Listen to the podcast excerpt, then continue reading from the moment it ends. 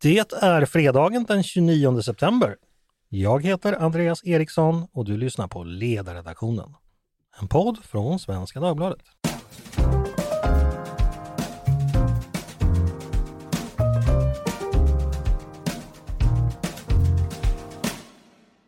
En gång för några år sedan så var det en ung kvinna som skulle besöka sin första bokmässa i Göteborg. Kvinnan arbetade som kommunikatör på ett medelstort förlag. Hon var en ambitiös och engagerad medarbetare och kände sig spänd och förväntansfull inför sin första bokmässa. Hon anlände till Göteborg redan dagen innan och hjälpte sina kollegor att bygga montern.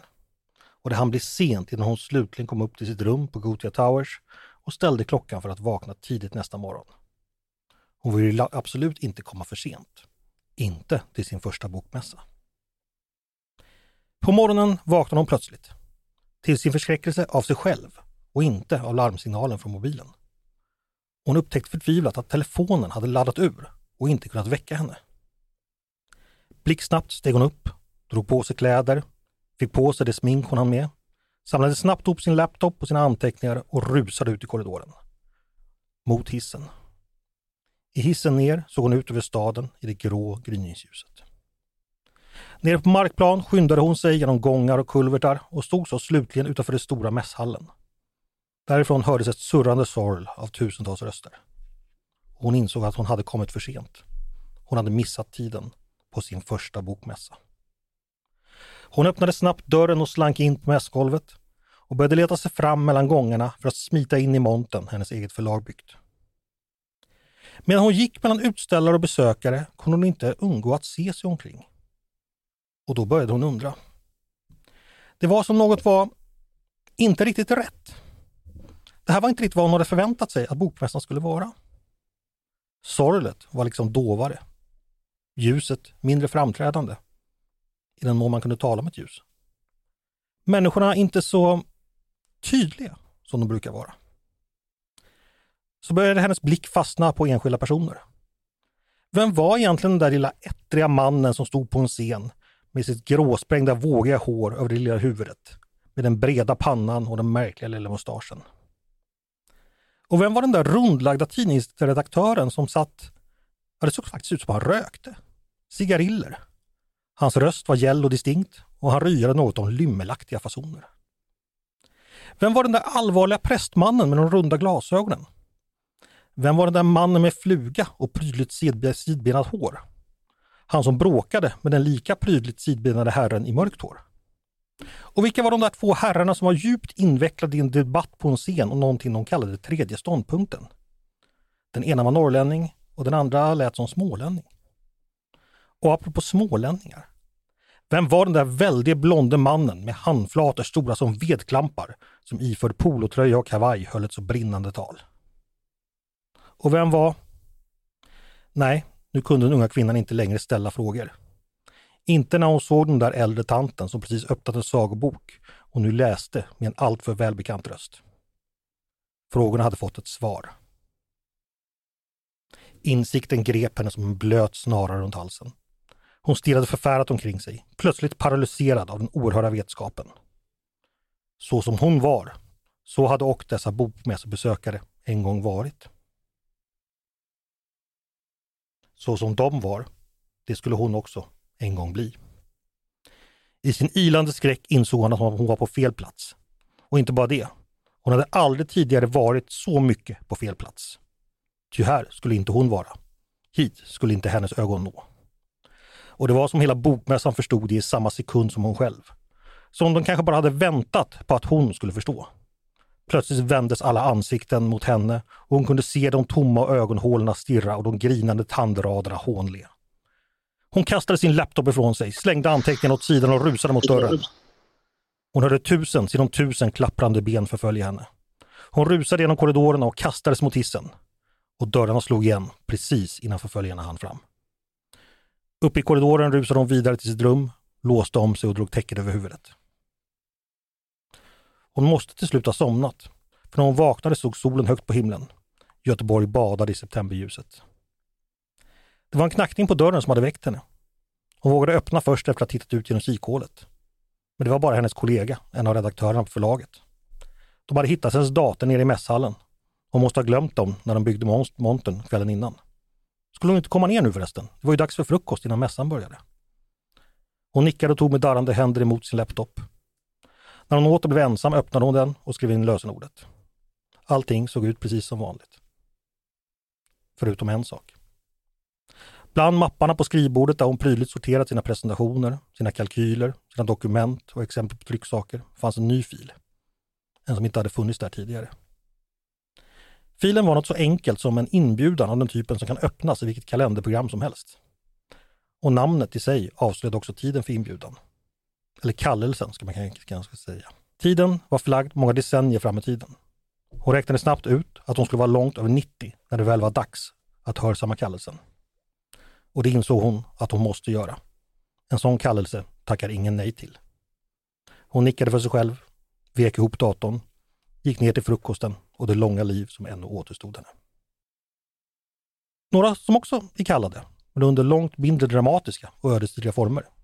Det är mina kollegor på redaktionen, som idag heter Peter Wendblad, Paula Röttorp och Henrik Dahlgård. Varmt välkomna! Stort tack! Tackar! Tack så mycket! Peter, hur är det med dig idag? Eh, det är bra. Fredagar är alltid en intensiv dag. Mm. Så också denna. Så är det ju. Du, det är mycket folk nu och mycket omsättning i podden och på sidorna. Många nya talanger som får visa upp sig. Vad, vad beror det på? Ja, det beror framförallt på att eh, Tove håller på att göra klart en bok. Eh, så att hon är, har varit tjänstledig från och till här sedan sommaren. Då behöver vi lite avlastning. Eh, och sen är även Paulina var ju med för sista gången på ett tag förra veckan i podden. Hon skriver också en bok.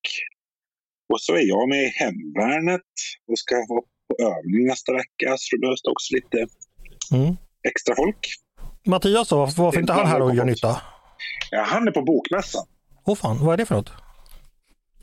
Ja, jag höll på att säga att det vet jag inte, för jag har aldrig varit där. jag, jag beskrev ju ganska väl hur, hur det är, kan jag ju säga. Ja. Om man har otur. Paula, välkommen tillbaka. Tackar. Du podddebuterade för några veckor sedan. Hur kändes det? Ja, jag blev inte helt avskräckt i alla fall. Nej. Har du fått några kommentarer eller har hälsan tigit still? Jo då, de som känner mig har uh, uttryckt någonting. Ja. De andra har hållit tyst. Okej, okay. men, men de som kände, det, det, det var väl, välvilliga kommentarer hoppas jag? Absolut. Ja, vad roligt. Även om jag fick något surt kommentar angående kunskapsfrågorna på slutet. Jaså. Ja, det, det är ett ständigt gissel där. Henrik, du är känd för lyssnarna sedan i somras. Eh, varför går inte du i skolan med de andra små sommarvikarierna och stångas du med? ja, det är en väldigt bra fråga. Det är faktiskt väldigt eh, skönt att eh, vara här, för jag går i skolan nu eh, normalt sett och sitter inlåst i, i lägenheten och skriver uppsats. Mm. Så jag har fått se det, det fina ljuset idag, vilket är väldigt, väldigt skönt. Vad handlar uppsatsen om? Eh, de första marknadsförfattarna och marknadslitteraturen på 1830-talet. Som du skrev om i somras på sidan? Precis, rafflande ämne kan man säga. Ska man fakturera för sin, för sin uppsats? Det borde jag ha kommit på när jag pluggade också. Hörrni, på vad man skriver om. Henrik, varför sitter du inlåst när du skriver uppsats? Det för att du inte ska kunna ta dig ut? Lite så faktiskt. Jag brukar stänga av allting för att jag inte ska försvinna iväg ut på någon nation eller än värre. Vad kan vara värre än en nation i Uppsala? Än i Lund kanske? Hörni, vi ska dra igång med veckans ämnen. Som vanligt finns det massor med matnyttigt att sätta tänderna i. Eh, och vi måste ju förstås börja med att det har varit en, ännu en svart vecka när det gäller våldsbrott. Eh, ja, slutet på förra veckan skedde ju det förfärliga dådet i Sandviken. Redan nu nedknuffat från nyhetshyllan. I veckan hade vi ju på ett dygn dödsskjutningar i både Jordbro och Fruängen i Stockholm. Den senare tidig kväll mitt bland fotbollstränare, barn och ungdomar. Och så huset som sprängdes med, med dödsoffer som följd i Storvreta utanför Uppsala. Eh, vi tog upp det här i podden igår, försökte vara så konstruktiva vi kunde med vad man kunde göra. Då hade jag med mig Christer Thelin, före detta domare, och Alexander Jeremic, polis. Eh, lyssna gärna på den. Men jag tänkte höra vad redaktionen själv säger. Eh, Peter, jag tänkte du skulle börja, för du har ju i alla fall eh, skrivit. Eh, vad, blev det, vad var det som kändes viktigt att, att skriva just nu? Jag tror det, det som kändes viktigt var att försöka någonstans fånga det stämningsläge som jag upplever att Sverige har gått in i och, och många medborgare. Precis som du säger så har det varit ytterligare en svart vecka, men den här veckan gick någonstans över ytterligare en, en gräns. Eh, där jag tror att ja, men jag tycker hela stämningsläget i, i samhället och min omgivning har, har förändrats. Att det är någon slags mentalt krigstillstånd som, som människor börjar gå in i. Ja, du skrev ju så rakt ut faktiskt att medborgarna är på väg in i ett mentalt krigstillstånd. Uh, och jag tror jag förstår vad men, men kan du utveckla, vad är det, hur, hur, hur, hur, hur gestaltas det i människors huvuden, tänker du? Nej, men jag tar upp ett, ett konkret exempel i, i texten jag skrev om bara ett inlägg på sociala medier som flimrade förbi från en helt vanlig småbarnsmorsa i, i utkanten av Stockholm som, som bara, jag, jag har hellre en auktoritär polisstat än det här. Så jag tror att det, det är där mång, allt fler börjar befinna sig. Att man är någonstans beredd på nästan vad som helst för att få ett stopp på det. Paolo, vad tänker du om det här? Gör du samma analys av stämningsläget i landet? Ja, det gör jag väl. Eh, sen tror jag i och för sig att det är farligt att dras in för mycket i ett stämningsläge. Mm. Eh, och det är en jäkligt svår balansgång för eh, regeringen, inte minst. På ett sätt vilja visa att de agerar och på ett sätt eh, samtidigt behöva visa ett visst lugn och inte kanske ta till vilka åtgärder som helst. Men just nu känns det väl som att man vill bara visa att man agerar. Peter, tänkte du på det att du också ville undvika att själv, eller att tidningen och redaktionen och sidan går in i någon sorts krigstillstånd där vi inte bör vara? Eh, eh, eh, eller hur tänker du? Eller ska vi tvärtom bejaka vad människor känner? Vad, vad, vad tänker du kring det? Ja, men jag, jag tror att det är viktigt att bejaka känslorna man, man känner. Eh, sen är det möjligt att man inte i alla avseenden ska agera på sina känslor. Men jag tror inte att man får trycka undan liksom, rädslan, förtvivlan, upprördheten. Eh, för det, gör man det, det är ju en form av avtrubbning. Okay. Och där ska vi inte hamna. Eh, Henrik, vad säger du? Nej, men jag, jag håller väl med om att det här är en ganska svår, svår avvägning. För först och främst så håller jag med Peter om det, det känsloläget, det, det jag uppfattar finns hos, hos många ute i, i Sverige. Men samtidigt så blir jag, likt, som du var inne på, ganska orolig vad det kan medföra politiskt. För just nu är det dels många ledarsidor, debattörer som jämför med pandemin, hur mycket som gick att göra, hur snabbt det gick då.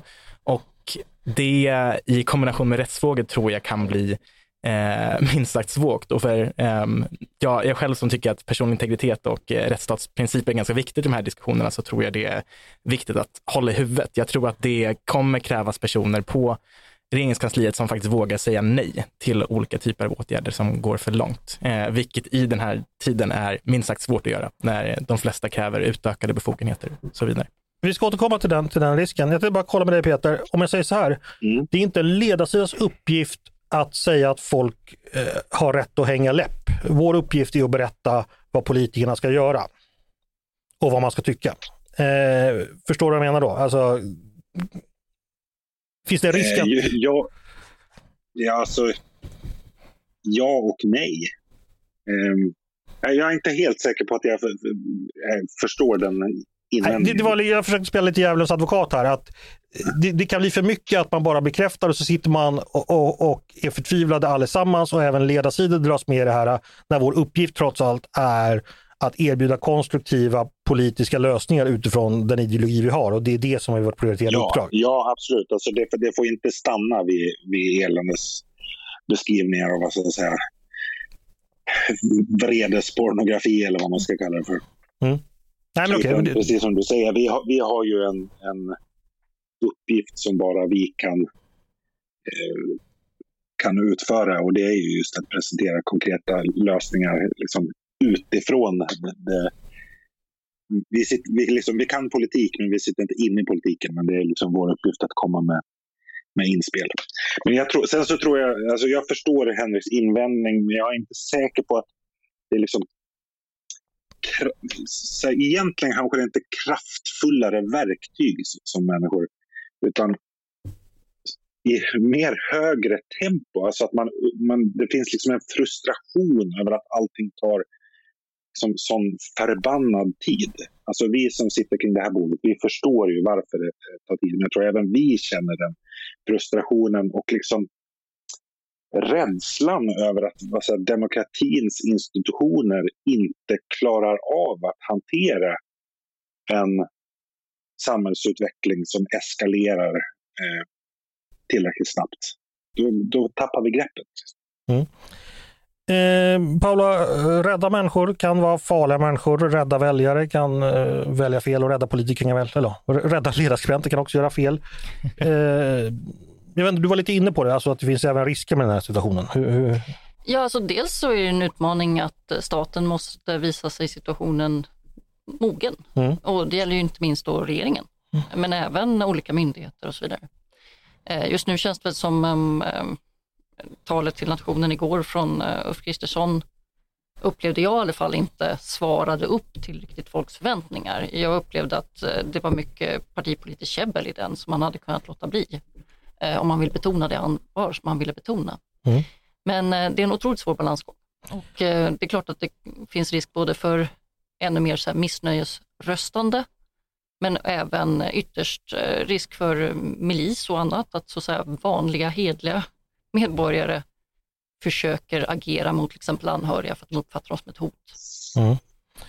Eh, nu nämnde du det här olycksaliga talet nationen igår. Eh, fantastiskt att du hade förväntningar på det. Jag hade inga, men de, de lyckades inte ens infrias ändå. Peter, du var inte heller jätteuppspelt över det. Varför inte? Eh, nej, men alltså statsministertal till nationen är ju en, är ju en särskild... Det är en svår genre kan man säga. Ja, det är en svår genre. Det har inte inträffat särskilt många gånger och det, det, Tack det sker liksom i, ex, i extrema allvarstider. Eh, och i ett sånt läge så... Alltså min uppfattning, men jag tror att jag delar den uppfattningen med, med många, är att ett tal till nationen måste vara ett tal till alla och som samlar, som samlar alla. Men precis som Paula säger, det här var ett ganska polemiskt tal mot den tidigare förda politiken. Rätt i sak, men dålig timing för partipolitisk polemik i ett, eh, i ett sånt Alltså, när man håller ett tal i nationen då blir man någon slags eh, ställföreträdande kung. Alltså, då ska man representera alla. Mm. Henrik, håller du med att uh, Ulf Kristersson gick upp och drog ett gammalt uh, valtal från valrörelsen 2022? Ja, absolut. Jag tyckte nästan det kändes som han stod och höll det här talet i en riksdagsdebatt. Att mm. det var liksom det formatet på det som eh, som eh, man, man, märkte att det fanns en, en underbyggande kritik av den förra regeringen, att man hade varit naiva, att man inte hade gjort tillräckligt saker mycket fort. Och jag tycker ändå att det, om man går utanför själva ämnesdiskussionen lite grann, så tycker jag det är ett kännetecken för vad den här regeringens problem är. Att det känns som man står med ena benet kvar i oppositionsrollen lite grann. Att det här är ofta så det brukar låta. Att Socialdemokraterna har inte gjort eh, X, Y, Z med, med kärnkraften, man har inte gjort det här med invandringen, inte det här med integrationen. Um, och att det känns som man är kvar lite i valrörelsen och inte vågar vara proaktiv riktigt. Mm. Vi ska säga att Kristersson har ju fått eh, liknande kritik från många håll, men vi, vi kan väl säga att mm, vi instämmer i den, eller gör du också det Paula, att det var för, för, för ja du nickar? Ja, ja. absolut. Eh, hade han inte ja, lite... jag, tycker att, jag tycker att det vittnar om lite dåligt själv, alltså dåligt självförtroende som jag blev förvånad över. Att Ulf Kristersson är statsminister, det beror på att den förra regeringen misslyckades med brottsbekämpningen. Det är hans mandat. Alltså han, han vet i form av valresultatet hur stort missnöje det var med den tidigare politiken. Han behöver inte upprepa det. Det behövs inte. Nej men precis, för, för det, det, kan man ju säga då. Jag brukar säga att uh, Paulina, när hon är med, hon har ju vunnit den här diskussionen. Det kan man ju ta bredare också. Ulf Kristersson tillhör ju också de som att säga, vunnit den här politiska striden kring brottsligheten. Och då behöver man kanske inte fortsätta att peka finger. Då kan man ju ha självförtroende nog och bara marschera på i den riktning man har vunnit. Det är lite så du menar? Ja. ja, och sen så tycker jag rent tekniskt, alltså Ulf Kristersson är ju en väldigt duktig talare. Alltså mm. det såg vi ju inte minst i slutet på valrörelsen när det var tv-debatter där Kristersson sopade banan med Magdalena Andersson genom sin Som, ja, ja, hur ledigt han uppträdde, att han hade liksom konkreta svar på väldigt mycket medan Magdalena Andersson framstod som ganska tillkläm, tillknäppt och inövad. Men igår, det var ju ett promptertal. Alltså det, det, det såg man ju på hans sätt att föra sig och hur blicken rörde sig. Då ska vi säga det att han fick god hjälp av Magdalena Anderssons idiotiska rådgivare som hade sagt att hon skulle vara presidentkandidat och absolut inte säga emot och sånt där. Så att hon, hon var ju inte riktigt ja. själv i valrörelsen. Eh, men hade han inte lite konstigt tonfall också? Röstläget upplevde jag som lite konstlagt lågmält på ett sätt som inte jag känner igen. Ja, men exempelvis från det du nämnde, valrörelsen. Där, ja, det var bara den känslan. Jag, jag, jag tyckte ja, inte det var bra. Ja, men det, det, var lite det jag var ute efter med att det var ett promptertal. Alltså, så här, jag tror att eh, det här talet hade han inte hunnit gå igenom särskilt många gånger och då blir det lite läsning över det. Mm. Sen är det ju en stora frågan varför ingen anställer mig som talskrivare. Eh, det gör mig ständigt besviken och det är ju gruvligt för, för, för menigheten. Peter, har du någon förklaring till det? Ja, nu, har ju, nu har ju annonsen publicerats här i, i podden och att du söker nytt jobb. Jag, jag, jag, borde i alla fall ha rätt att tacka nej. Alltså det, det, det nöjet kan man väl ge mig. Oh, men okej, okay, eh, vi, vi återgår till, till läget som det är nu. Eh, vi vet ju att den här regeringen har, som Peter säger, ett tydligt mandat. Det är massor med saker på gång när det gäller brottslighet, framförallt straffskärpningar då, men också hur polisens befogenheter ser ut. Så här. Eh, Paula, det som är på gång, är det tillräckligt och är, det tillräckligt bra? Givet situationen så här kommer det innebära att eh, vi omedelbart ser en stor förändring av kriminaliteten. Det tror jag inte. Nej, men det frågar jag inte heller, för det förstod inte, jag förstår alla. Men, men... Den här konflikten tror jag snarare kommer att eh, på något sätt utvecklas och förmodligen ändras av helt andra skäl. Det vill mm. säga den inre dynamiken i de här gängen, eh, än att eh, det är just de här lagstiftningsåtgärderna. Eh, en del av det som kommer är väl bra, en del är jag mer kritisk till. Ehm, men eh, jag tror att det är viktigare att se till att eh, polisen faktiskt kan nu fokusera på det här mm. och eh, inte på sikt i alla fall tas bort från tusen andra uppgifter. Och det är väl bra att visa en nationell samling genom att se om försvaret kan hjälpa till och så vidare. Men jag tror inte det finns jättemånga lågt hängande frukter som kommer lösa situationen. Det kommer fortsätta skjutas på den här nivån. Ja, vad innebär det om vi får... Hur, hur kommer det förändra Sverige? Eller kommer det förändra Sverige? Att om det skjuts 60, 70, 80 personer per år, några år, fem år framåt? Jag tror i och för sig inte att det kommer att gå på det sättet. Jag tror det vore märkligt om exakt den eh, dynamiken skulle fortsätta. Fast USA har ju tio gånger så många dödsskjutningar. Och de här, det fungerar som samhälle, det är ett annat samhälle, men de fungerar ju. Och det finns. Ja, nej, det är mer att jag tror att i så fall så måste det ha hänt någonting ganska dramatiskt eh, med gängen eftersom vi tror att eh, en mycket stor andel av det som hänt nu i september faktiskt är kopplat till ett enda gäng. Mm. Eh, och det, den våldsnivån i just det gänget under så lång tid kan jag inte riktigt se som möjligt. Men det är klart att man som regering inte kan bara ägna sig åt fromma förhoppningar att de ska sluta skjuta. Eller att de ska fly Sverige för att undvika den här situationen. Förlåt, vad var frågan? Det vet jag inte. vi, vi, låter frågan gå vidare eh, i sin, i sin eh, obeständighet. Peter, det som är på gång nu, eh, vi vet massa saker. Eh, är det något ytterligare som behövs som regeringen måste göra nu, nu, nu? Nej, jag, inte som jag kan komma på eh, omedelbart faktiskt. Alltså jag tycker att, och det är inte så att polisen tydligt efterfrågar någonting mer. Alltså det är det som Paula var inne på, det vill säga att det finns liksom uppgifter som polisen är satta att sköta som någon annan hade kunnat sköta minst lika bra. Bevakning av fotbollsmatcher eller omhändertagande av fyllerister. Alltså de, de där lite bagatellartade eh, arbetsuppgifterna. Alltså polisen, jag har inte detaljkunskap om polisers arbete, men jag tycker grundhållningen är att polisen ska kunna koncentrera sig på det som bara polisen kan göra. Mm. Jag får åter hänvisa då till torsdagens podd när vi hade en polis som var här, här och pratade hur det såg ut. Han jobbar då i yttre tjänst, alltså ute på fältet och det eh, gav mig några lärdomar. Eh, där sa ju Christer Thelin också för sig Peter att eh, polisens organisering är en tämligen avgörande sak och ifall polisen då inte organiserar sig på, på, på rätt sätt här så har ju regeringen möjlighet att departementet helt enkelt eh, säga till chefen för polisen, det vill säga rikspolischefen, att det här är det som ska göras helt enkelt. Och om inte det görs kan man också byta ut eh, chefen. Är, är, det någon eh, väg du tror vi, där vi kommer hamna? Ja, ja alltså, jag, jag, tror att han kommer att bytas ut. Alltså Anders Thornbergs förordnande går ut här i februari och jag, jag tror att regeringen aktar sig för att peta honom tidigare än så. Jag tror helt enkelt att Thornberg kommer att liksom göra klart att han inte är aktuell för en ny eh, period. Men eh, alltså, jag tycker ju att alltså, utvecklingen är ju i sig själv ett bevis på att den nuvarande organisationen, vad vill säga, Tornberg har misslyckats med sin uppgift och att den nuvarande organisationen inte eh, fungerar. Jag skrev den här texten om att liksom, är det någonstans det behövs ett undantagstillstånd så kanske det är, är liksom polisens organisation, att den behöver liksom ställas om för att hantera den här akuta uppgiften. Samtidigt så tror jag i ärlighetens namn att den, den redan har gjort det i, i mångt och mycket.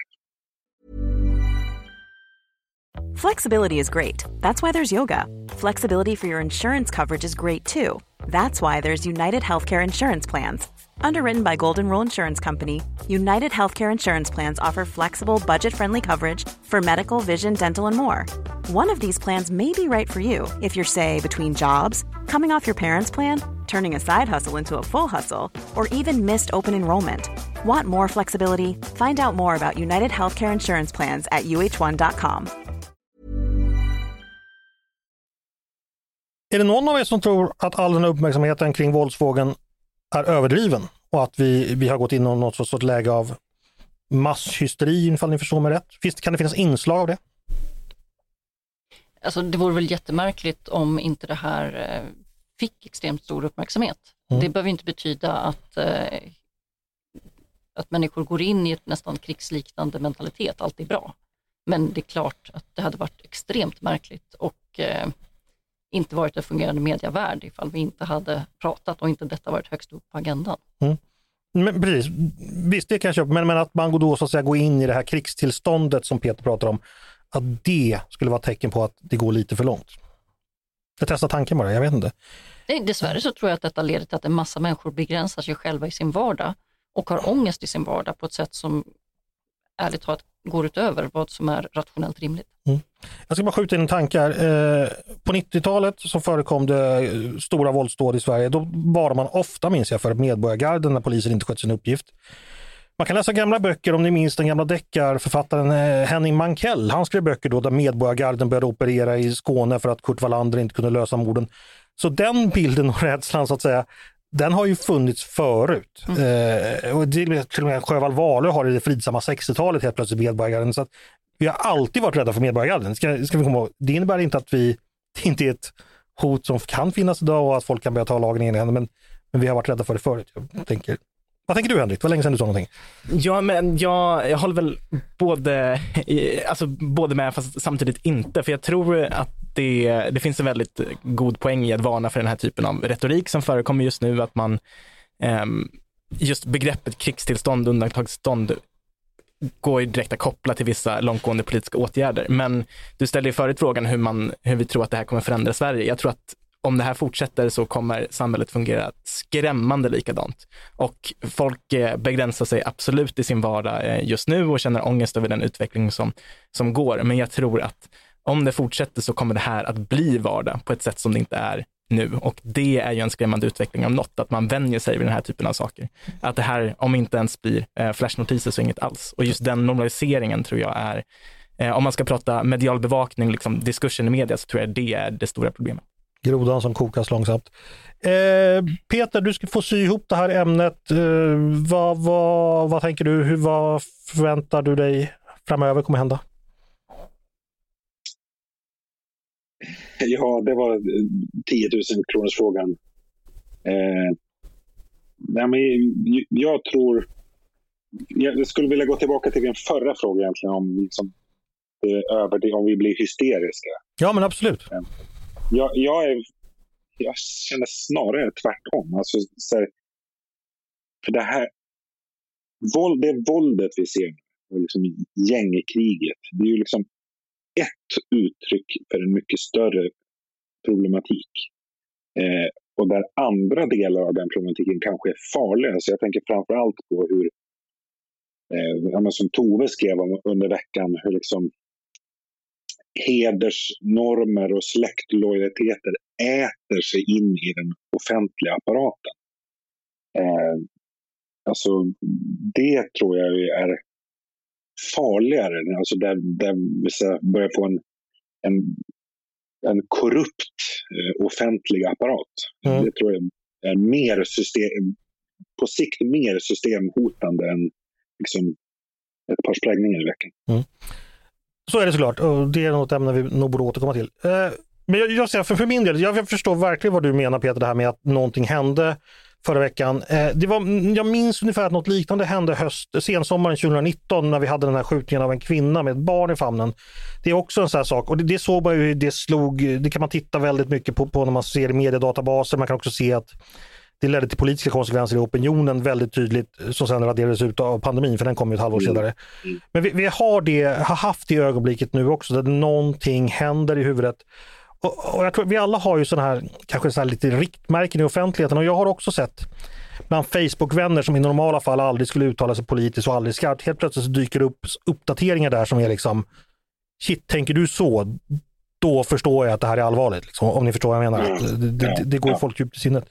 En sista fråga Peter. Du var ju i norsk tv igår. Eh, var det morsomt? Mm. ja, det var trevligt. Ja. Och det var också, jag var alltså inbjuden för att kommentera förklara vad som egentligen händer i Sverige i eh, norsk tv. Och det var, det var intressant att eh, alltså, för i, i diskussionen var norsk journalist och så var det naturligtvis då programledaren att alltså, ta del av deras utifrån perspektiv på eh, situationen i Sverige. Alltså där, där kände jag till exempel att här, jag har nog genomgått någon slags tillvänjningsprocess. Därför att för dem är det här mer chockerande än vad eh, det är för oss. De hoppade ur grytan direkt och sa vi kokar ju och du bara satt så nej men this is fine. Liksom. ja, lite så. Nej, men, eh, både hur vad ska jag säga, allvarligt i situationen och eh, vad ska jag, hur vi har hanterat den här eskalerande situationen under de senaste två decennierna. Mm. Kan man se det här någonstans? För det har jag frågat tidigare av privata skäl, men vi kan ju berätta för lys lyssnarna. Har du hittat klippet? Eh, ska jag, ska jag läsa upp URLen? det var norska TV2, 17-nyheterna i Ja, det, det, det, får man googla rätt på. Torsdag. Ja. ja. Det låter toppen. Eh, hörni, vi ska gå vidare för nu har vi pratat eh, väldigt mycket om våld och elände. Vi ska vidare till annat elände, eh, nämligen Centerpartiet. Det är så att eh, den här poddens favoritparti har samlats till kongress i Örebro i helgen. Och är det Centerkongress, då händer det grejer, som gumman sa när hon satte mjölkpallen tvärs över elstängslet. Eh, vem vill ta detta? Eh, ja, Peter, ska vi, jag vet, du är ju en sån kär vän av, så du, du, du, kan ju, du kan ju lägga anslaget här så följer vi upp. Vad, vad, vad, vad händer i helgen i Örebro? Ja, Centerpartiet har eh, en krisstämma. Eller, det går ju väldigt eh, risigt eh, alltså, i, för Centerpartiet. Centerpartiet skrev ju i sin valanalys de, hur många procent var det de fick? 6 procent någonting. Ja. Om att så här, det, det, kunde ha varit värre. Och, här, och, ja, och nu är det värre. Ja. eh, det, så att, eh, nej men och stackars Demirok har ju ärvt väldigt mycket. Han har ju ärvt den här omöjliga situationen där man vill liksom genomföra borgerlig politik med hjälp av, en, av Socialdemokraterna istället mm. för andra borgerliga partier.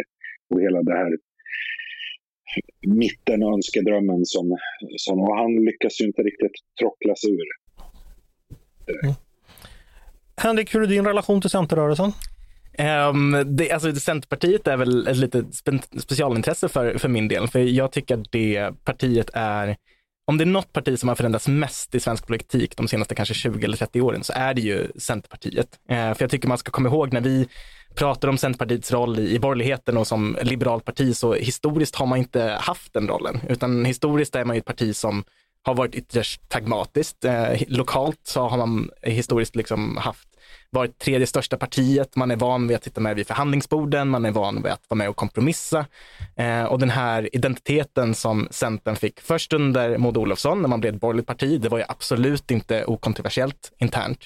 Men den största och mest intressanta förändringen tycker jag är ju när Centerpartiet under Annie Lööf ska bli ett idéparti och man ska bli ett liberalt idéparti. Och just den slitningen mellan det här gamla pragmatiska och det nya mer idealistiska förhållningssättet till politik, det tror jag Eh, präglar väldigt stora delar av Centerpartiets interna liv och hur man förhåller sig till politik. Eh, och det man ser nu tror jag, det är väl att Centerpartiet går tillbaka till en roll som man kanske mest haft i svensk politik. När man, för Demirok, han är ju ingen eh, liberal principiell idépolitiker. Han har inte bloggat om Nozick och Ayn Rand som, eh, som Annie Lööf gjorde innan hon blev partiledare, utan han, han kommer från Linköping, han är kommunpolitiker, han är socialpolitiker. Eh, så jag tror man rör sig tillbaka till det här mer pragmatiska förhållningssättet just nu.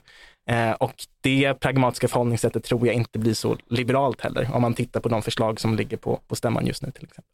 Man kan nästan säga att Centern som idéparti kulminerade väl nästan när man hade då ett idéarbete i början, precis när Annie Lööf hade tagit över, som då var väldigt visionärt och liberalt. Eh, och det, var, det blev, visade sig bli för visionärt för att det, då åkte man ju på, på däng internt, ni minns säkert det. Men, Eh, eh, Paula, gör du samma bedömning att eh, Centern har varit ute på en ideologisk utflykt där man väldigt renodlat sig som idéparti men kanske är på väg tillbaks till någon sorts pragmatik igen?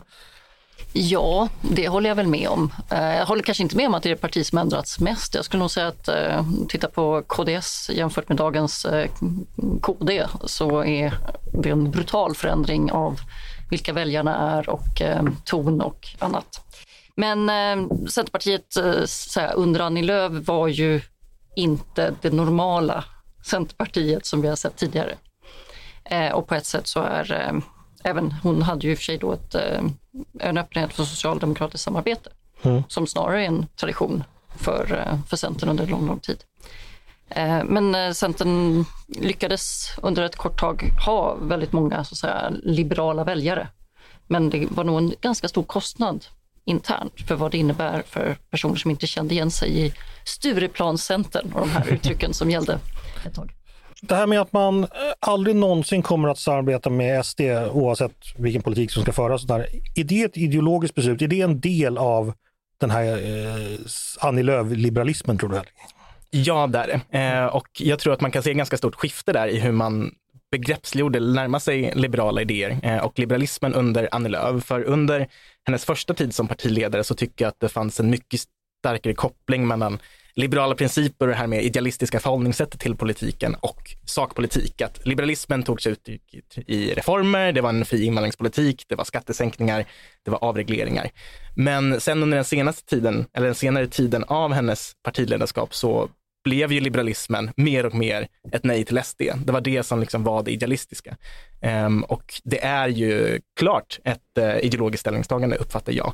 Och ett ställningstagande som jag tror kommer att mjukas upp lite grann. För när man får det här mer pragmatiska förhållningssättet till politik så tror jag också relationen till SD kommer mjukas upp. Det är bara, eh, Demirok håller ju fast vid den här positionen, men bara sättet han pratar om SD tycker jag skiljer sig rent ordvalsmässigt jämfört med Annie Lööf. Eh, så på lång sikt tror jag det kommer mjukas upp. Får jag fråga, läste du intervjun i Konkurrenten med Demirok som publicerades idag? Eh, jo, men det, det, jag skummade den. För där tyckte jag han var väldigt tydlig med att eh, han sa då att SD är ett parti vars företrädare vill att jag ska lämna landet. Att mina barn inte räknas som riktigt svenska. Eh, så där tyckte jag väl han gjorde ett extremt tydligt ställningstagande att SD inte var... Eh, koppla in dig Peter där. Eh, för där ja, var han, tydlig... han sa ju även i sitt stämmotal idag att Centerpartiet kommer aldrig att bli ett femte Tidöparti. Yep. Eh, så att, i den meningen blir han ju allt tydligare. Men jag skulle faktiskt vilja invända mot det här med Centerpartiet som idéparti. Jag förstår vad ni menar, men jag, så jag snabbläste Annie Lööfs memoarer, eller hennes nyutkomna eh, bok, igår. Såklart du gjorde. ja, men och där, där framstår det ju som att den, de här idé, liksom politiska idéerna, de är ganska ganska ytliga och studentikosa. Alltså den, den en, ja, men precis som Henrik säger, den enda idé som återstår de, under hennes andra halva som partiledare, det är att hålla SD borta från inflytande. Allt annat är de beredda att kompromissa med. Och de är även liksom, hon framstår som aningslös. Alltså hon är så uppfylld av det här att hon tror att alla andra också har det som sin eh, viktigaste livsuppgift. Och förstår liksom inte... Eh, hon framstår som väldigt eh, märkligt oförstående eh, för de andra partiernas eh, överväganden och alltså, hur, hur hon blir blåst av Socialdemokraterna. Cynik, cynikern Wennblad där, vill någon vara idealist och säga, säga emot? Jag skulle väl kanske hålla med cynikern lite, lite grann på, på den punkten och det tycker jag är ett bevis på att att bli ett idéparti är inte någonting som sker över en natt, eller i alla fall inte ens tio år. Det räcker inte bara att skriva ett eh, idéprogram och sen eh, vara ett idéparti som är förankrat, utan det är en väldigt lång process. Eh, Moderaterna har ju eh, pratat om liberalism och konservatism sedan 70-talet och det är en pågående diskussion i, i det partiet hur de två ideologierna och de värdena från de två idéströmningarna ska eh, hålla ihop. Liberalerna har ju dagligen seminarier i, i sina eh, partiträffar och så vidare. Så det här, Eh, det tycker jag man märker att eh, just den snabba skiftningen som Centerpartiet gjorde från att vara ett pragmatiskt parti till ett idéparti, att det kanske tar sig uttryck i att förhållandet till idéerna kanske inte är så djuplodat. Det kanske är lite ytligt ibland. Kanske det. Eh, en sak i alla fall, eh, Peter, som Demirok sa idag. Tidigare så har ju man ju förklarat att SD och V är samma sak, har man sagt, men man har i praktiken inte agerat så, för man har ju låtit V så att säga vara med lite på kanten. Nu, nu har ju ändå Demirok gått ifrån det och sagt att Vänsterpartiet är någonting annat. Det tyckte jag väl ändå var väl en att verklighetsanknytningen ökade där skulle jag säga, att man, man accepterar. Ja, alltså, han, är ju, han är ju fortfarande fantastiskt oförmögen att dra av plåstret. För nu kan han tänka sig att sitta i en regering med Vänsterpartiets stöd. Men men inte med något samarbete med, med Vänsterpartiet. Så det kanske finns en servett, det finns en skiss hela... ni inte får se eller så. Nej, så varför i hela världen skulle Vänsterpartiet acceptera det? Och, det, och det är fortfarande så att, eh, att de, skulle ett sån, en sån regering komma till stånd så måste den ha igenom en budget och då krävs det ytterligare mm. partier. Så han är ju, har ju märkligt svårt att ta sig ur den där fantasin. Tala. Ja, Ja, jag tyckte också att det var ett mycket märkligt uttalande. När han nu ändå öppnar upp för en annan syn på Vänsterpartiet, då borde han ju, precis som Peter säger, ryckt plåstret så att han skapar sig en handlingsfrihet efter ett kommande val. Eh, nu skapade han ju någon form av halvmesyr och den här, så här kolsuparteorin att Vänsterpartiet och SD är lika illa, den har liksom aldrig bottnat. Nej, för den har ju varit orimlig, för den, vi har ju alltid den, varit med. Liksom. Ja, den försökte ju Liberalerna sig på också ett tag. Och alltså, den bottnar ju inte när man samtidigt sitter i kommuner och regioner och samarbetar. Mm. Eh, och alltid har gjort det. Man har alltid suttit i samma nämndmöten och man har aldrig haft den här beröringsskräcken på det sättet. Sen har man ju ytterst sällan stått nära varandra, men det är en helt annan sak. Nej, det, det är som en helt ny uppfinning. Bara för att SD har det här, då måste vi uppfinna något på vänstersidan som är likadant. Men sagt ohistoriskt helt enkelt. Eh, det går inte så bra för Centern som vi, för vi har, har, har sagt. 4 procent, eh, pang på 4% gränsen enligt Poll och Polls. Det innebär att mer än var tredje väljare lämnat sedan valet. Eh, ett val redan då var en rejäl motgång. Eh, Peter Mattias skrev ju en text om Centern idag. Nu är inte han här och försvar, kan försvara sig, men, men han tyckte då att det borde vara skördetid. Eh, Delade du den synen? Alltså skördetid för Centern? Eh, Ja, alltså, jag tycker att det finns en, en, en nisch för Centerpartiet att vara, vad säger jag, tillhöra vänsterblocket med, med en, en borgerlig touch. Eh, men, och att driva, ja men att balansera upp eh, vänstern. Men eh, sen kanske jag inte tycker, har exakt samma åsikter som Mattias om vilka borgerliga frågor där man borde driva. Men, men jag tror att nischen finns där. Och det är den som... Alltså, hade Demirok nu rivit av plåstret och liksom gjort klart att det är den här, då, då hade han kunnat ut... Då, då hade han kunnat ta den nischen och liksom utveckla den rollen. Men, men han skaffar sig inte det utrymmet. Men jag tror han är på väg dit. Tror du inte det Peter? Ja, det, det, jo, jo, det tror jag också. Men jag, ja. förstår inte att det ska vara så förtvivlat svårt. Ja, men han är väl liksom reformist alltså, ja, pö om pö. Alla, här, alla andra har redan placerat Centerpartiet där. Ja. Alltså, det, är liksom, det är Centerpartiet är sist av alla att dra slut, den slutsats om sig själva som alla andra redan har Ja. Nej, men det, det, är väl inte så jävla stort steg att säga att man kan samarbeta med Vänsterpartiet. De, de är liksom inte hårdföra kommunister längre. Det, är naturligtvis, det blir svårt att bli ett väldigt brett och konstigt samarbete men att sitta ner på vänster... Ja, jag tycker inte det. Alltså om Liberalerna och SD kunde komma överens så kan väl C och uh, V komma överens. tänker jag. Eh, ja, ja, apropå Mattias, tror ni han har det bra på Bokmässan? Paula? Jag hoppas han lever i alla fall. Efter din uh, intro, undrar man ju. Nej, men det, han, jag tror inte han vaknar så tidigt. Apropå Bokmässan kan ni lyssna på onsdagens podd eh, då Mattias och Åsa Lindeborg gästade mig och pratade om Bokmässan och om alkohol och om sex och alla möjliga spännande saker som sker i Göteborg just nu som vi i Stockholm inte får ta del av. Eh, hörni, är vi klara med Centern? Ja, det är vi. Det är nog. Det, det, det, kommer fler tillfällen. Det kommer fler tillfällen. De har alltså då möts i Örebro i helgen. Eh, intressant nog så la de det samtidigt som Bokmässan. Man såg inga schemakrockar mellan det intellektuella Sverige och Centerrörelsen. Men det där är, det där är tydligen en tradition, eh, att de eh, återkommande gör det. Mm. Absolut, de tvingar någon att välja. Oss eller boken. Mm. Har de fortfarande traktorplöjningstävling också? Det har de säkert. Det nya skolpartiet. Hörni, nu är det dags för mitt favoritmoment. Eller ett av mina favoritmoment. Det som heter Svar direkt. Då vi stresstestar våra ledarskribenters politiska reflexer och förmåga att blixtsnabbt skilja gott från ont och sant från falskt. Det går helt enkelt till så att jag likt en långboll från Sulovatovara friställer Janne Hellström. Uh, nej, vad sa jag nu? Det går helt enkelt till så att jag, likt en långboll från Sulovatovara som friställer Janne Hellström. Jag måste sluta med de här idioterna. Ja.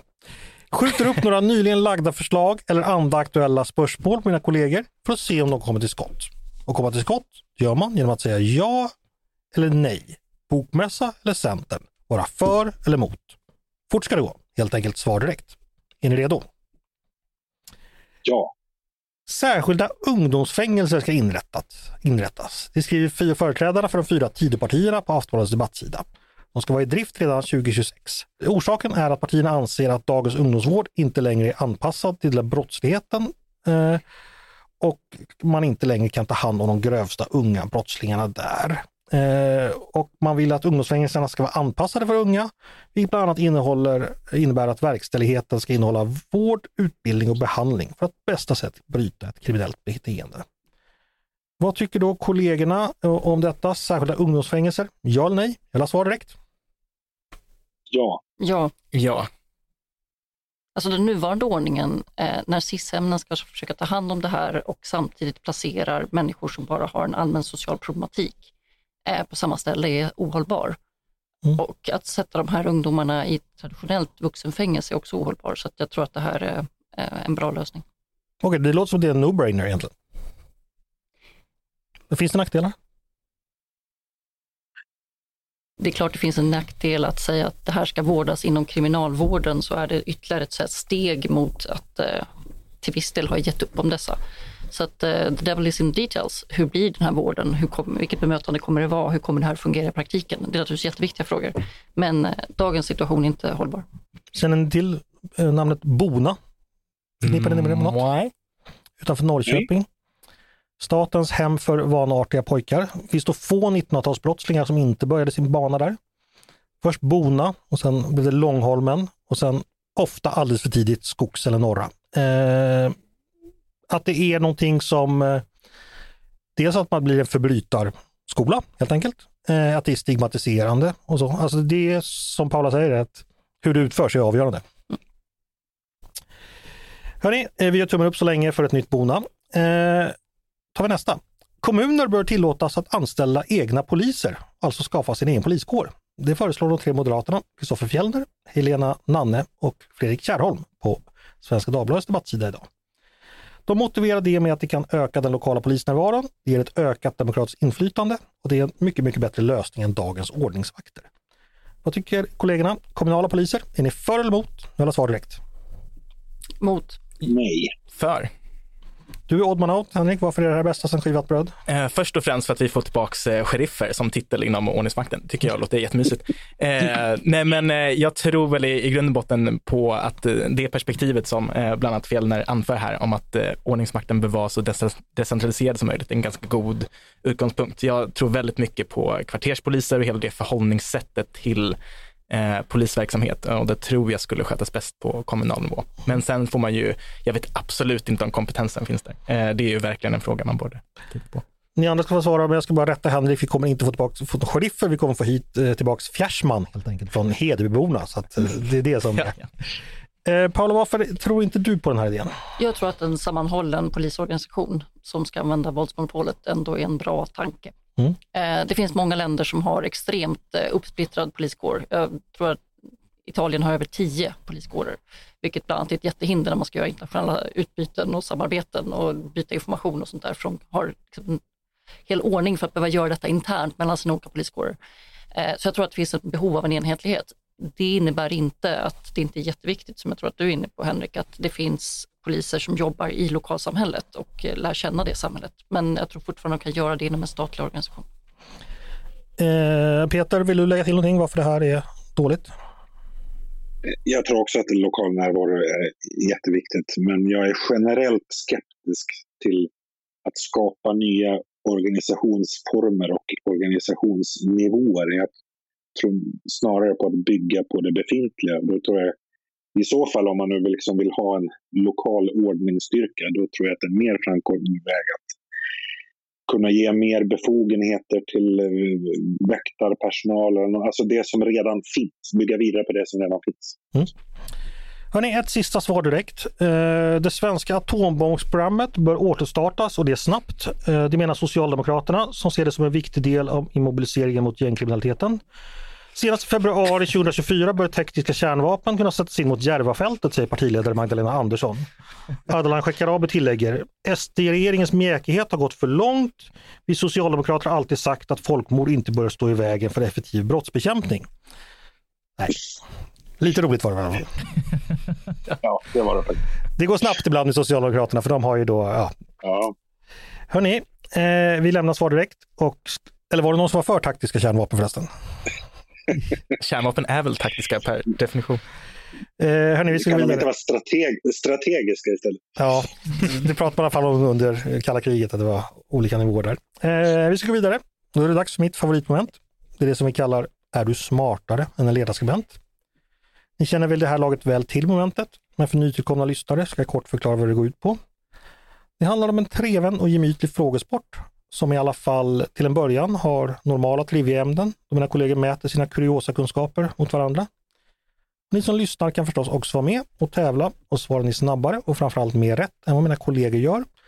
Då är ni smartare än en ledarskribent och kan släppa drömmen om en riksdagskarriär för den är ni alldeles för smart för.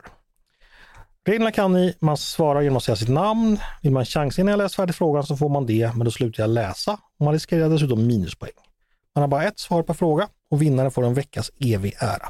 Okej okay med alla? Skulle jag be Paula om ett litet papper och en penna.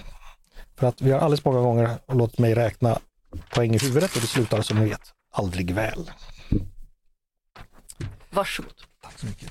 Då drar vi igång. Vi har ju pratat om Centern. Eh, jag tror vi har haft så tema i Frågesport tidigare, men förhoppningsvis har jag lyckats hitta nya frågor.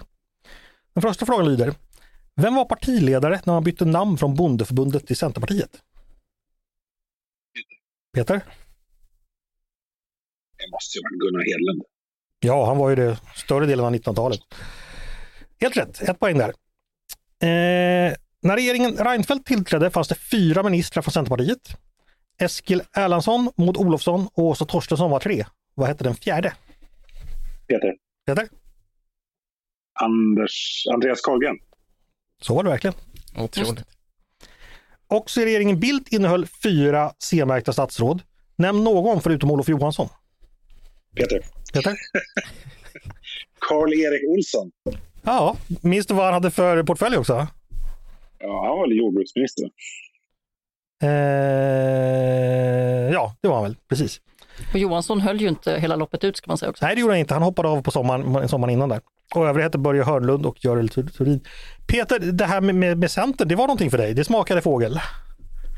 Ja, men jag har tagit så gamla ministrar. Alltså, jag vet typ inte vilka som är ministrar i nuvarande regeringen. Men fråga mig om... Det är lite grann som fotbollslagen. Jag kan alla fotbollsspelare från 80-talet och jag kan alla ministrar från 80 och 90-talet. Ska vi kolla om vi kan det här då? Vad heter Centerns nuvarande partisekreterare? Eh, nu ska vi se, det är ju inte Anders W Jonsson längre. Va? Nej, det här är någon... Eh, nej, det vet jag inte. Ingen vågar? Paula skakar på huvudet. Hon heter Karin Ernlund och var tidigare borgarråd i Stockholm. Just det. Hörni, en till centerfråga. Jag har ingen statistik, men jag tror att majoriteten av alla mål i bordshockey görs just av Centern. Vad kallas den klassiska bordshockeymanövern när man från högeryttern spelar in till centern som möter med ett direktskott? Ja, det är ett särskilt namn. Alltså. Ja. Jag, kan, jag, kan, jag kan känna det i fingrarna. Precis Ja, verkligen. Ja, men Henrik, Henrik? Snett inåt bakåt. Nej, det heter det inte. Eh, jag tror faktiskt den är ursprungligen namngiven i Bordshockeybibeln från 1989, skriven av bland andra, andra Jan Gradvall. Ingen kan det. Den heter Skyffel. Och jag tror att jag har gjort 75 procent av alla mina bordshockeymål så. Eh, det är förödande effektivt. Och ni som ofta möter folk i bordshockey som gör mål på er på det sättet, tipset är så här. Eh, ställ målvakten mitt i målet. Det är för det är mycket enklare att göra mål med en skyffel än från en höger ytterposition att skjuta in i den lucka som bildas. Så då har ni det tipset. Hörni, en sista Ja, när, centerfråga. jag, när, när, när jag gick på högstadiet så var faktiskt en lärare på min skola typ svensk mästare i bordshockey. Så ibland så satte han upp ett bordshockeyspel i korridoren och så fick man komma, ställa sig på kö och försöka. Och så var det första målet vinner och han vann ju då alltid. Det var inte Göran Agdur. Nej, eh, Birger Hedlund. Det är Hedlund. Ja. Annars var det ju Lasse, Avesta-Lasse Henriksson tror jag han hette vann också några där på 80-talet. Eh, Men Göran Agdur var ju den första svenska mästaren i, i bordshockey 1982. Hörrni, en sista centerfråga. 2009 anslöt sig en person till Centerpartiet och kandiderade till riksdagen. Han blev snabbt kontroversiell eftersom, eftersom han som ordförande i Sveriges muslimska förbund hade krävt särlagstiftning för muslimer, bland annat gällande skolundervisning och familjerätt. Vad hette denna kontroversiella politiker? Som senare lämnade Centerpartiet ska sägas. Minns ni det här? Det var stort hallå ett tag. Henrik tänker så att det syns. Jag minns ju inte, men jag måste ha läst om det. Peter, du minns det här va? Jag, satt han i riksdagen vad sa du? Nej, han, han gick med i Centern och kandiderade till riksdagen. Men innan han han hamna på någon lista så tror jag antingen han lämnade eller han uteslöts. Det vet jag inte, men det, det var stort Ja, halabaloo. då, jo, men Peter. Ja.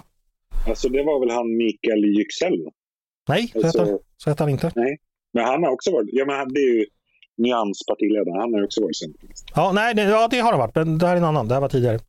Nej, han hette Mahmoud Aldebe. Just Eh, det om Centern. Vi ska uppmärksamma dagens datum också, för det är faktiskt Mickelsmäss idag. För en väldigt betydande märkesdag i det gamla bondesamhället. Så kolla vad ni kan om Mikael. Jag börjar med en Michael som var George Bush demokratiska medtävlare i presidentvalet 1988. Vad hette han? Den demokratiska kandidaten, valet 88. Michael. Var, var hans motståndare, såg du? Ja, George Bush, Bush motståndare. Bush vann. Ja, Peter. Peter? Det var ju väl Mike Dukakis. Michael Dukakis. Snyggt. 4-0 till övriga. Hörni, en Det, annan det, var ju han, det var ju han som fastnade på den här berömda stridsvagnsbilden. Ja, just Mm. När han sticker upp huvudet ur en, ett stridsfordon och så jättefånigt. Ja, precis. Eh, en till Mikael då. Eh, en folkpartipolitiker från Skövde, men för allmänheten kanske mest känd som upphovsmannen till mellovinnaren Fyra bugg och en Coca-Cola. Vad heter denna folkparti eller liberal politiker? Suset när det flyger över huvudet. Han, är, nej, han heter... Peter, kan du? Nej, jag trodde... Det, jag blev lite ställd av fyra bugg om Coca-Cola. Jag trodde att frågan ledde framåt Mikael Prinsen Trolin. Nej. det hade varit roligt att ha med, men han är faktiskt inte med. Han heter Mikael Ja. Wentar och nu ska Paula berätta för Henrik, vad är Fyra bugg och en Coca-Cola? Ja, jag föredrar i och för sig eh, den här eh, boken, vad heter den, som har tagit sin titel från Fyra bugg Coca-Cola, eh, som säger eh, eh, och en moviebox. Fyra nötkräm och en moviebox. Ja, precis. Hörni, nästa fråga. Vad är en bugg i sammanhang- sammanhanget? I låten. så- Peter. Peter? Tuggummi. Helt rätt. Mer Mikael. Vilket statligt affärsverk var Mikael Odenberg GD för mellan 2008 och 2017? Peter. Peter? Fan. Svenska kraftnät. Ja. Det här är lite vinklade frågor tycker jag. Hörni, vi tar ett sista tema. Eh, vi har ju pratat tal till nationen. Jag ska citera några tal och då vill jag att ni ska svara genom att säga upphovspersonen. Förstår ni? Då börjar jag. We will never forget them, nor the last time we saw them this morning, as they prepared, prepared for their journey and waved goodbye and slipped the sully bonds of earth to touch the face of God. Peter. Peter? Jag hörde ju på din, din dialekt. Det var Kennedy. Nej. Det det inte. Du lät som Kennedy. Eller? Paula, jag gissar på Churchill. Nej. Det här är They prepared for the journey and waved goodbye and slipped the sully bonds of earth to touch the face of God. Det var Challenger-besättningen som reste iväg 1986 och förolyckades och eh, det var Ronald Reagan som höll talet. Den här då. This conflict started August 2nd when the dictator of Iraq invaded a small and helpless neighbor. Kuwait, a member of the Arab League and a member of the United Nations, was crushed, its people brutalized. Five months ago, Saddam Hussein started this cruel war against Kuwait. Tonight, the battle has been joined. Paula, Paula? George Bush antar jag. Det är det. Och det säger han då i samband med att Iran, första Irakkriget började. Eller Kuwaitkriget kallar vi det för. Ja, precis. Gulfkriget kallar vi det för. Den här då. Eh, 2000 years ago the proudest boast was civis romanus sum. Today in the world of freedom the proudest boast is Ich bin ein Berliner. Peter. Peter, Fan! Nu, nu var det Ja, nu Ja. du. fick jag till dialekten? 2000 years ago today. Hörni, eh, förstås, när jag hör civis romanus sum tänker jag förstås på Cicero. Vad kallas den variant på text av honom eh, som används i typografi för att illustrera text generellt? Döpt efter de två första orden i texten. Som inte är en riktig Cicero-text, men det är en blandning. Peter? Peter, jag, det här, nu kan jag ju det här för att jag har jobbat på reklambyrån. Lorem ipsum. Visst är det så. Och Peter krossar fullskaligt idag med åtta poäng, ett för Paula och noll för Henrik. Peter, hur, hur kunde det gå så bra? fakt- Det var, det, ja, det var väldigt snälla frågor idag. Det var det. Henrik var det snälla frågor. Alltså, pers, Ja, men- person, person, kurio, person kuriosa från 80-90-tal. Vad hände med dina Arsenal-frågor som du hade förut? Jag, jag saknar dem. Du får hem och plugga 80-talsmello tror jag. Nej, det var, det var lite fult. Eh, Paula, du, du är ju gammal liberal, liberal. Visste du att Fyra Bugg och Coca-Cola-författarna alltså var liberal kommunpolitiker i Skövde? Nej, det visste jag faktiskt Mm. inte. Den har liksom inte fått liberal status, så har jag inte, inte under min tid i ungdomsförbundet i alla fall.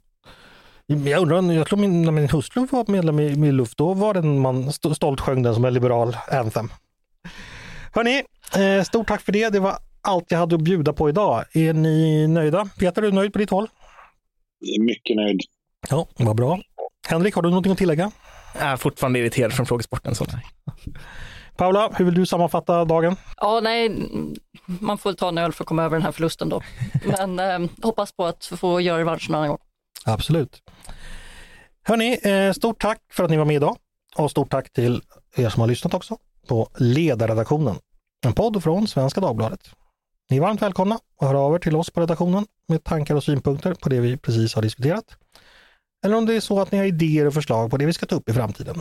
Då är det bara att mejla till ledarsidan snabel svd.se. Dagens producent heter precis som vanligt Jesper Sandström. Jag heter precis som vanligt Andreas Eriksson och jag hoppas precis som vanligt att vi hörs snart igen.